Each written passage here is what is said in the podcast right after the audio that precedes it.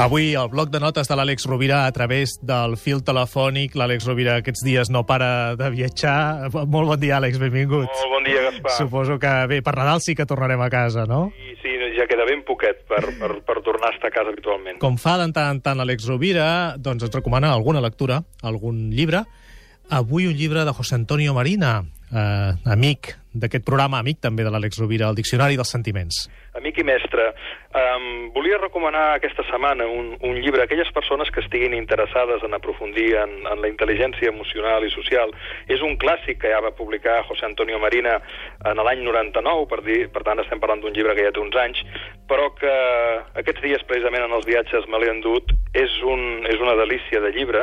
No és un llibre fàcil, perquè és un llibre de gruix, i és un llibre que demana el lector, però la recomanació d'aquesta setmana per a aquells que vulguin aprofundir en la dialèctica dels sentiments, de les emocions, del pensament emocional, sense cap mena de dubte, el Diccionari dels Sentiments de José Antonio Marina, publicat per Anagrama, eh, i també de Marisa López Penas, perquè la va escriure en coautoria, és una obra de referència que ajuda a aclarir molt, molt, molt, molt, i a posar paraules al nostre món interior a l'hora de sentir.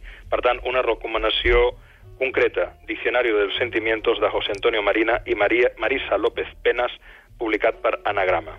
Si una idea, Àlex, tan sols una idea abans d'acabar que et vingui al cap i que destacaries d'aquest Diccionari dels Sentiments... Doncs que sovint, eh, és, eh, com no hem rebut una pedagogia a l'hora de, de diferenciar doncs, els, els nostres sentiments o els nostres efectes o fins i tot eh, els nostres motius eh, i les nostres emocions, ja amb això li podíem dedicar un bloc de notes, mm -hmm. doncs és interessant perquè el llenguatge ens ajuda molt a saber com estem, és a dir, no és el mateix dir que, que sents... Eh, eh, que tens un estat d'ànim baix, que dir que estàs trist, o que estàs ensupit, o que estàs marcit, o que estàs desganat. Mm -hmm. um, llegir la definició que fa un mestre com José Antonio Marina dels matisos entre els diferents estats d'ànim, entre els diferents sentiments, ens pot ajudar molt a entendre l'altre i a entendre nosaltres mateixos.